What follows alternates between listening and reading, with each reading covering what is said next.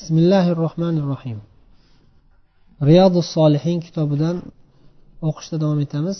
Babul yaqin va tavakkul. Yettinchi bob. Bobul yaqin va tavakkul. Yaqin to'la ishonch tavakkul. Allohga tavakkul qilish haqidagi bob. O'tgan darsda oyatlarni o'qidik. Endi shu bobdagi hadislarni o'qiymiz. umumiy tartib bo'yicha yetmish to'rtinchi hadis bo'ladi عن ابن عباس رضي الله عنهما قال قال رسول الله صلى الله عليه وسلم ba'zi nusxalarda shunaqa ibn abbos roziyallohu anhudan roziyallohu anhudan rivoyat qilinyapti rasululloh sollallohu alayhi vasallam aytdilar عرضت علي الأمم فرأيت النبي ومعه الرهيط ba'zi bir rivoyatlarda roh bo'lib keladi. Adashmasam. Menga barcha ummatlar al umam deganda ya'ni barcha ummatlar. Odam alayhissalomdan boshlab qiyomatgacha bo'ladigan barcha ummatlar ro'baro qilib ko'rsatildi. Menga ko'rsatildi.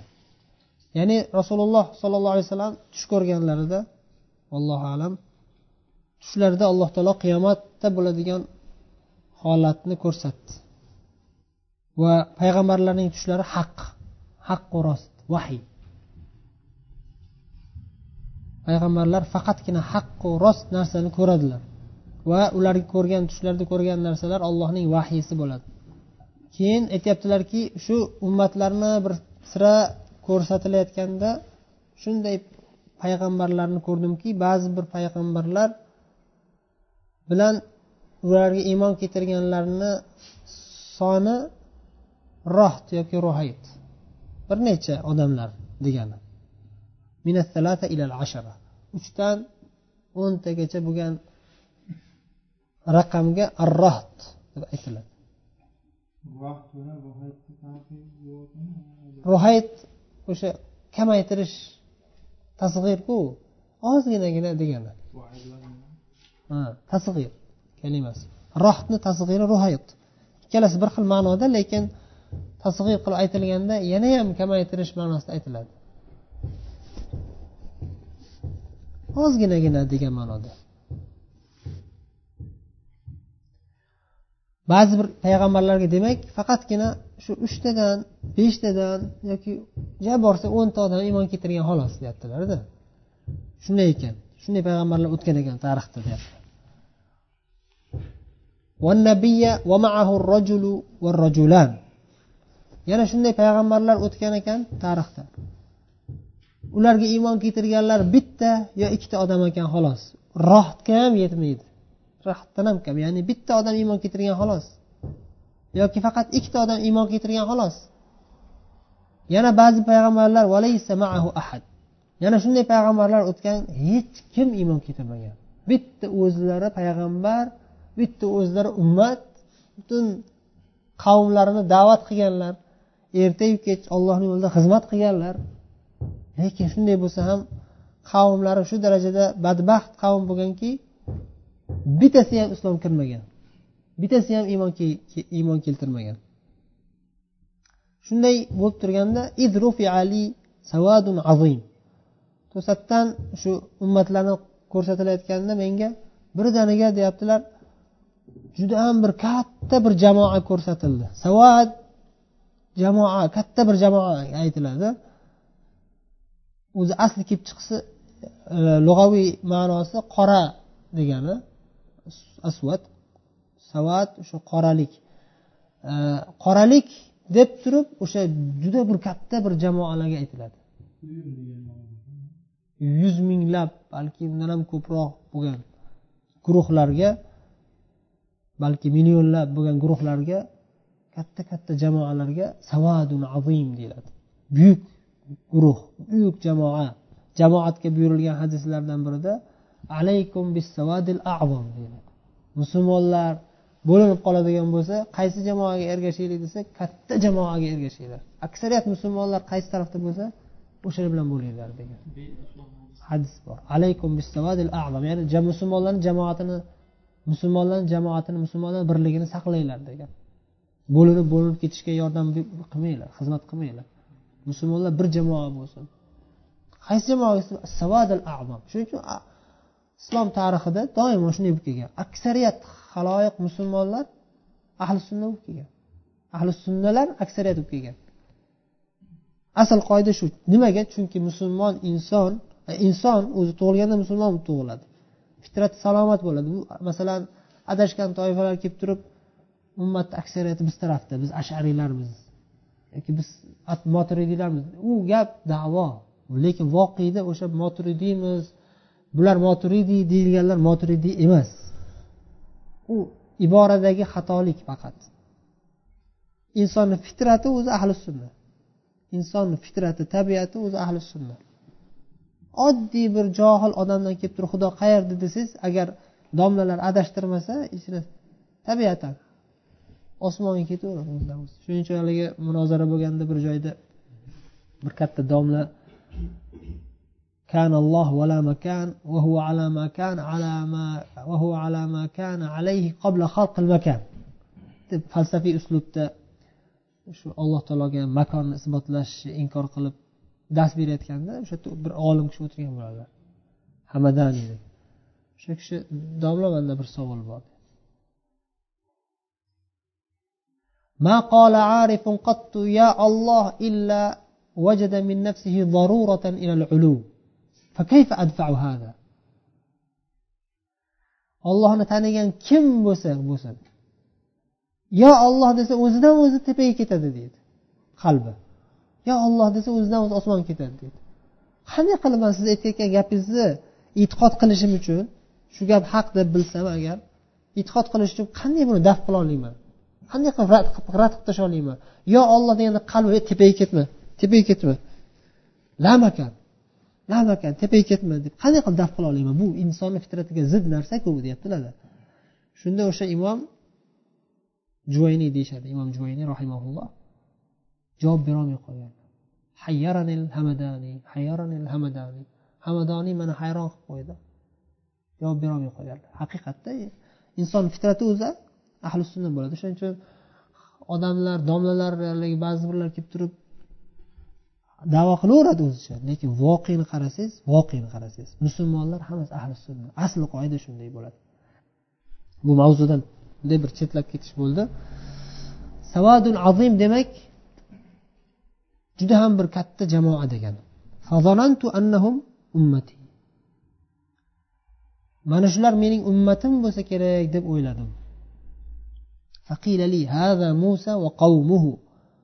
Menga aytildiki bu muso va uning qavmidir. Ya'ni haqiqatda muso alayhissalomga iymon keltirganlar ham juda ko'p bo'lgan. Ummatlari juda ko'p bo'lgan. Va davrlari ko'p bo'lgan uzun bo'lgan. Ya'ni fir'avn bilan fir'avn bilan. Fir'avndan tortib keyingi iso alayhissalom davrigacha ba'zi bir tarixchilar aytish bo'yicha ikki ming yil bo'lgan. Ikki ming yil bo'lgan. Lekin u orada davud alayhissalom payg'ambar bo'lib kelganlar sulaymon alayhissalom lekin bular hammasi muso alayhissalomni e, ostilarida deyishadi. Ha o'sha ostilarida endi bu yerda ular alohida bular alohida hisoblanyaptimi yo'qmi uni bilmadik. Lekin dovud alayhissalom davrigacha bo'lganlarni ham hisoblasangiz ham juda katta ummat bo'lishgan. Ko'pchilik bo'lishgan. Ufuq. Ufuq katta mana shu osmonga qaragan ufuq nima degani? Ufuq degani shunday ochiq joyga chiqib osmonga qaraganingizda ko'rinadigan joy hammasi ufuq bo'ladi osmonda. Ya'ni juda katta bir masoha shunday ufuq to'sib turgan narsalar juda katta narsa bo'ladi. Bitta qarasangiz butun atrof hamma yoq bulut to'sib qo'ygan bo'lsa ufuqqa qarasangiz hamma yoq bulut to'sgan bo'lsa demak juda katta bulut ekanda bu. O'shaning uchun bu yerda unzur ilal ufuq ufuqqa qaragin deyildi payg'ambarimiz sollallohu alayhi vasallamga. Shunday qarasalar juda ham katta bir guruh bor ekan jamoa bor ekan.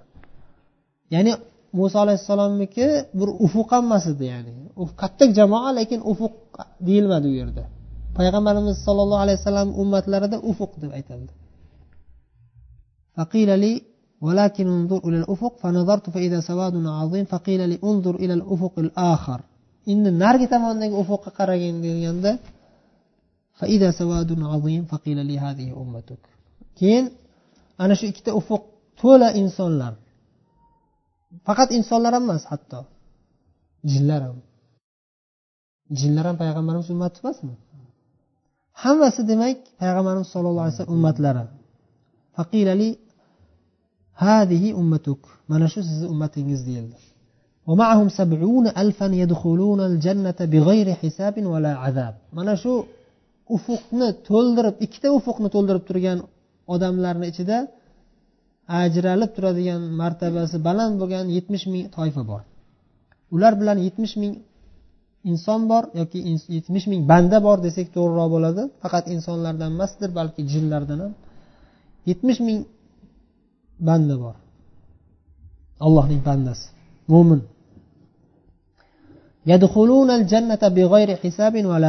jannatga hech qanday hisob kitobsiz azobsiz to'g'ri jannatga kirib ketadilar degani.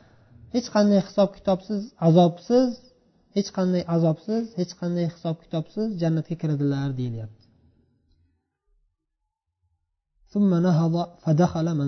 Shu hadisni shu yerda aytganlaridan keyin o'rinlaridan turdilar. Rasululloh sollallohu alayhi vasallam manzillariga uylariga kirib ketdilar.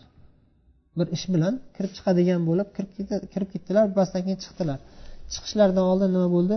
فخاض الناس في أولئك الذين يدخلون الجنة بغير حساب ولا عذاب.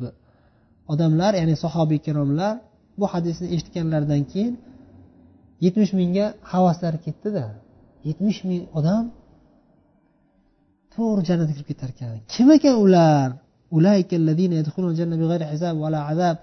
Hech qanday hisob kitobsiz hech qanday azobsiz jannatga kirib ketadigan ana shular kim ekan deb istihod qilish boshlashdi istihod qilish boshlashdi. Ya'ni ishtihod bu yerda o'sha boshqa oyat hadislar boshqa dalillarni eslab yodga olib mana shu yetmish mingni o'shalarga taqqoslab shular kimligini topishga harakat qilish bo'lyapti.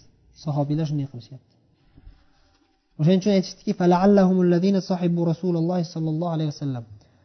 Bu yetmish ming kim desa balki shu sahobiylardir. Yetmish ming bo'lsa kerak sahobiylar. Nima uchun bular sahobalarni birinchi zikr qilishyapti yoki birinchi emas umuman nimaga zikr qilishyapti desa chunki boshqa hadislarda yoki oyatlarda sahobiylarni fazilati kelgan.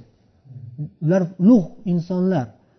Demak yetmish ming ular o'shalarmikin degan narsa tasavvur paydo bo'ladi. Ilmsizlik bilan gapirishmayapti havoyi nafs bilan gapirishmayapti. Ishtihod qilishyapti. Lekin ishtihod qilganiga ajr olsa ham lekin o'sha ishtihod qilib keyin aytgan chiqargan hukmi xato bo'lishi mumkin. Uni boshqa dalillar bilan bilinadi. Hozir keladi ya'ni. Yana ba'zi sahobiylar aytishdiki islomda tug'ilgan degani bu yerda maqsad musulmon oilada tug'ilgan musulmon jamiyatda musulmon bo'lib tug'ilgan musulmon oilada tug'ilgan degan umumiy suratdagi musulmon bo'lib tug'ilish emas bu yerda. Umumiy suratda musulmon tug'ilish desangiz hamma musulmon bo'lib tug'iladi. Lekin bu yerda ko'zlangan maqsad nima? Ota onasi musulmon bo'lib tug'ilib musulmon tarbiya bo'lib o'sgan yoshligidan o'sgan. Bunga ham dalil bor boshqa hadisda. Ollohning toatida o'sgan yigit yoshligidan toat ibodat o'sgan bu ham bir fazilat buyuk fazilat. Balki biz aniq bilmaymiz balki o'shalar o'sha hadis eshitgan sahobiylar bo'lsalar o'shanga taqqoslashgan bo'lishi ham mumkin.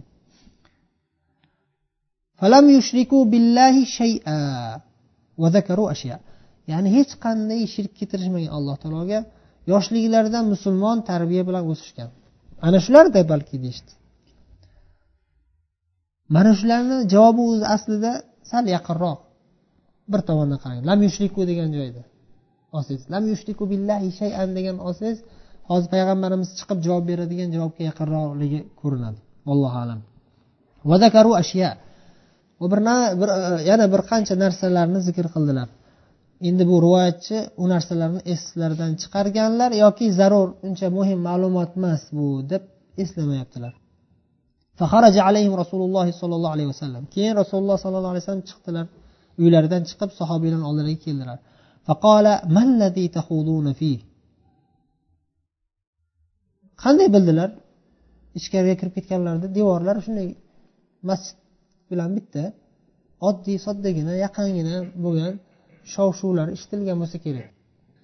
Chiqib aytdilarki nima haqida gaplashib o'tiribsizlar? deb so'radilar. Nima haqida gaplashib o'tiribsizlar? deb so'radilar. Yahudu o'zi hoda yahudu degan hozir keladi bu yerda. bir narsaga kirishib ketish aytiladi o'zi lug'aviy jihatdan فأخبروه فقال هم الذين لا يرقون ولا يسترقون mana shu yerda la yarqun degan rivoyat zaif rivoyat yoki shoz rivoyat deyiladi bu sahih muslimda kelgan shu la yarqun ziyodasi lekin boshqa rivoyatlarda boshqa rivoyatlarda shu kalima yo'q ya'ni muttafaqun alayhi bo'lgan rivoyatlarda ya'ni buxoriyda ham muslimda ham ko'p rivoyatlarda la yarqun yo'q. Lekin sahih muslimdagi rivoyatlardan birida shu izofa keladi qo'shimcha keladi. Lekin buni ulamolar muhaddis ulamolar yoki muhaddis ulamolarning ichlaridan muhaqqiqlari mana shu masalani tekshirib chiqqanlari desak ham bo'ladi la yarqun kalimasi shaz. Noto'g'ri. O'sha rivoyat to'g'ri emas deyishadi. Chunki bu boshqa dalillarga teskari keladi.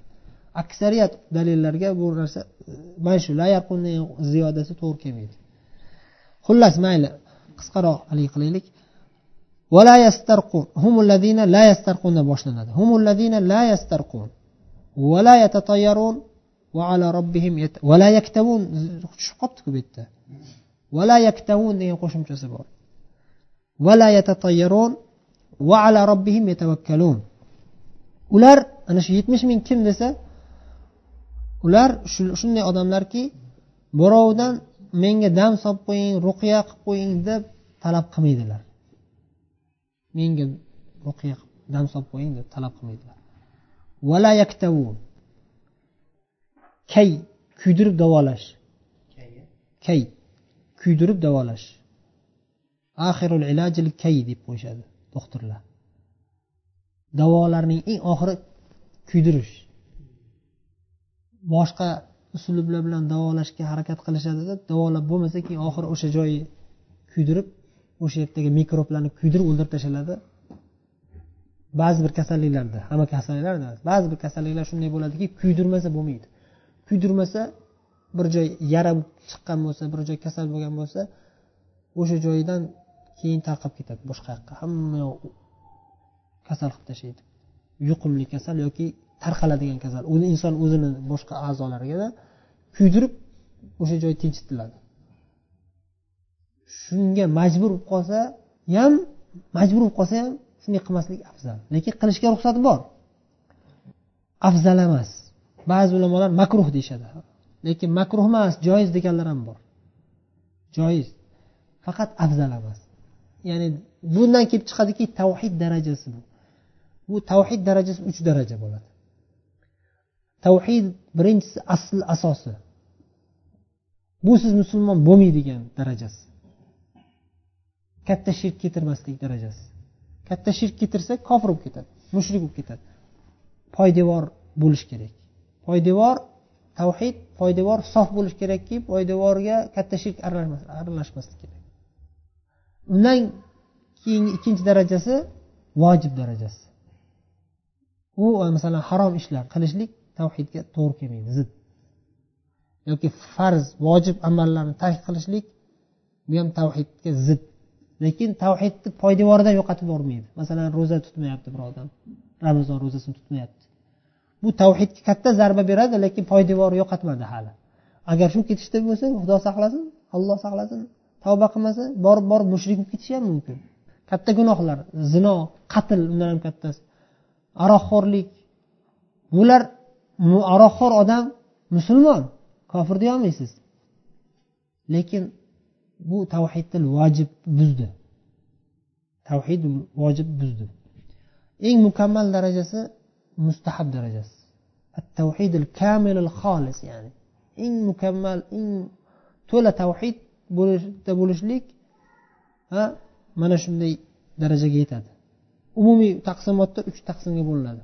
Lekin yana ham tafsilotga kiraman desangiz ikkita musulmon bir darajada bo'lish juda qiyin. Kimdir sal mukammalroq bo'ladi kimdir sal zaifroq buni olloh biladi. Biz o'zimiz bilmaymiz. Lekin inson o'zi sezadiki iymoni kuchayotganligini yoki iymoni zaiflashayotganligini sezadi. Xullas e, mana shu mana shu yerda aytilayotgan daraja eng mukammal darajani aytilyapti. Hech kimdan ruqya qilib qo'ying deb talab qilmaslik.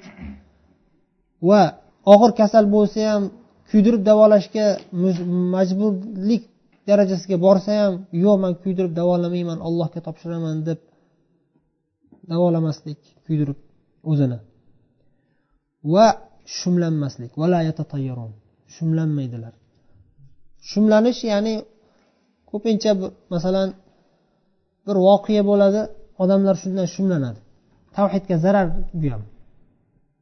Boy o'g'lidan shumlanishadi masalan.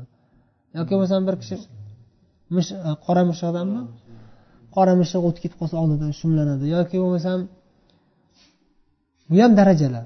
Agar shu qora mishiqdan shumlanishligi oshib ketsa shirkka olib ketib qoladi.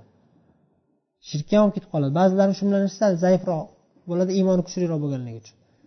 Sal ozgina shumlanadi. Minna illa deb haligi kitobi tavhidni o'qigan bo'lsanglar ibn abbosdan ibn masuddan keladiyu bir rivoyat. Shumlanish ha shumlanish o'zi odamlarni tabiatida bor narsa. Minna illa degan joylari bor edi ibn abbosmi ibn masud. Bizni hammamizda bor bu narsa. Ozgina bo'lsa ham shumlanish kirib qoladi qalbimizga ba'zida. Lekin o'sha narsani deganlar e'tiborga olmaslik kerak. Ya'ni qalbingizga shu narsani shayton olib kiradi baribir yuragi sal qo'rqib qoladi bir narsadan lekin bir zohiriy bir sabab bo'lmasa undan qaytmaslik kerak. Yaxshi ishga ketyapsiz. Masalan makkaga ketmoqchisiz umraga. Yo'lda avariya bo'lib ketyapti. Bitta ikki moshina ikkita moshina avariya bo'lib ketdi. Voy. Avariyalar ko'payib ketdi. Man ham avariya bo'lib ketmaydi. Orqaga qaytishingiz mana shu yo'nalishga kirib qolishi mumkin bu tavakkul qilib ketavering ko'nglingizdan o'tsa ham ehtiyot bo'lish kerak albatta. Lekin azamta fatavakkal alalloh bir narsaga qat'iy qasd qildingizmi yaxshi ish bo'lsa qat'iy kirdingizmi shu ishga o'sha ishni oxirigacha bajaring. Qaytmang orqaga.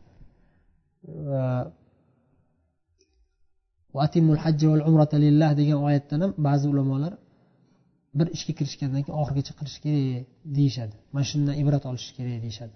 Shu oyatda. Umraga niyat qilgan odam misol uchun labbayk allohimmani aytdimi bo'ldi endi orqaga qaytish yo'q. Oxirigacha qilish o'zi nafl umra. Nafl umra. Lekin labbayk allohima umratan dedingiz bo'ldi vojibga aylandi. Namoz ham shu nafl namoz ikki rakat. Allohu akbar namozga kirdingiz vojibga aylandi. Oxirigacha yetkazish kerak. Mana shu narsalardan ibrat olib ulamolar aytishadiki qaysi yaxshi ishda bo'lsa ham kirishgandan keyin qaytmaslik kerak. Boshladingizmi endi qaytmang. Imkon qadar. Imkon qadar.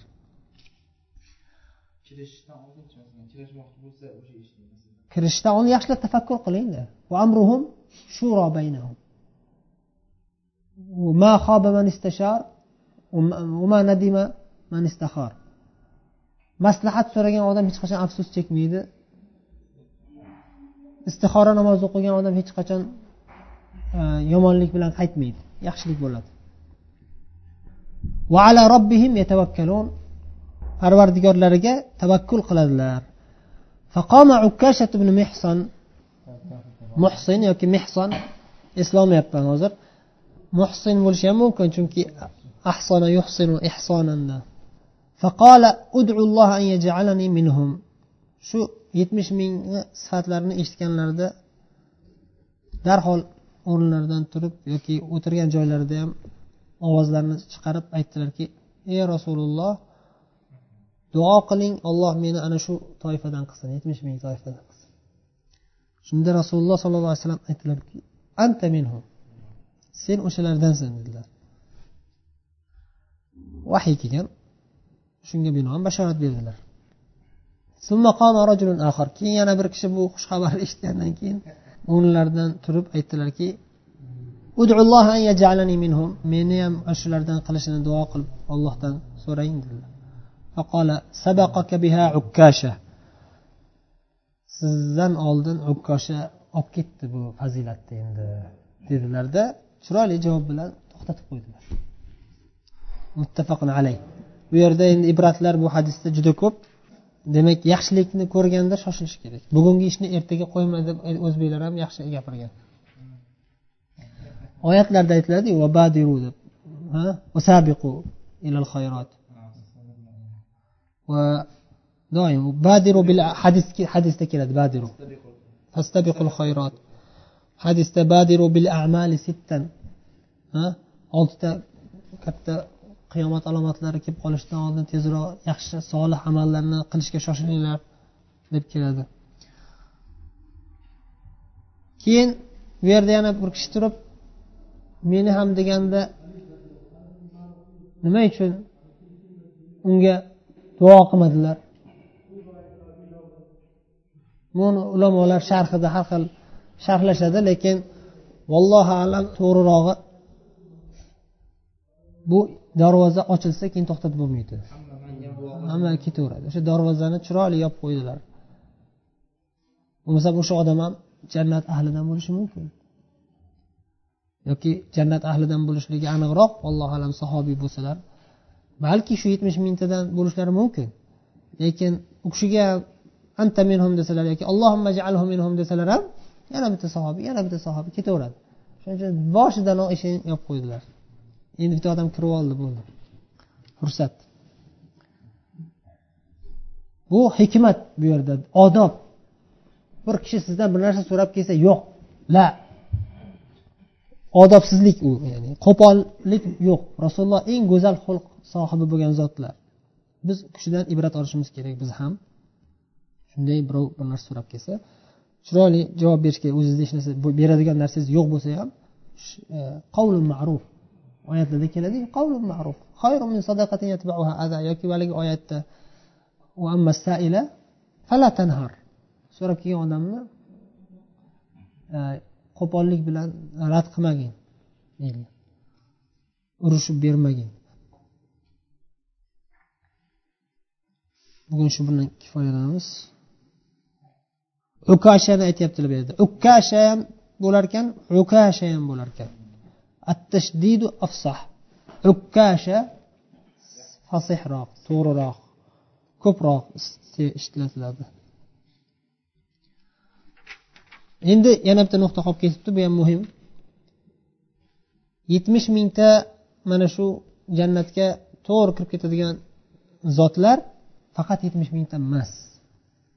Boshqa bir rivoyatda kelgan deyilgandan keyin وقد ورد أن مع كل واحد من السبعين الألف سبعين ألف ألفا أيضا yana mana shu yetmish mingtaning har bir mingtasi bilan yana yetmish mingta bo'ladi beriladi o'shalarni sharofati bilan yana yetmish mingta odam yoki yana yetmish mingta mo'min musulmon kishi payg'ambarimiz muhammad sallallohu alayhi vasallam ummatlaridan o'shalar bilan birga yana jannatga to'g'ri kirib ketadiganlar bo'ladi. Faqat bular eng oliy daraja yetmish mingta. Bularni ostida har bir yetmish har bir mingta bilan birga yana yetmish mingta bo'ladi. Shuni aytyapti. Yo'q yo'q yo'q bitta sharh ibn usaymin. Ibn usayminni sharhida aytyaptilarki yetmish mingni yetmish mingga ko'paytirsak har bitta mingtaga deyaptilar bu yerda har bitta mingtaga emas ekan har bir shaxsga ekan. Man xato o'qiyapman to'g'ri. Har bir kishi bilan yana har bir kishi yana yetmish mingta odam shafoat qiladi degandek ekan bu. Shafoat qiladi deb aytilmayaptiyu lekin o'sha har bir kishiga yetmish mingta qo'shib beriladi allohni marhamati kengligidan bu ummatga xususan ayniqsa ya'ni shunda qancha bo'ladi desak to'rt milliard to'qqiz yuz million ekan. Ha to'rt milliard to'qqiz yuz million ekan. To'rt milliard to'qqiz yuz million. Arba milliard va million.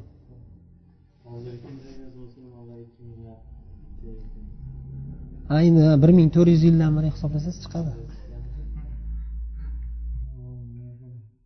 hali qiyomat hali jinlar bor jinlar bor hali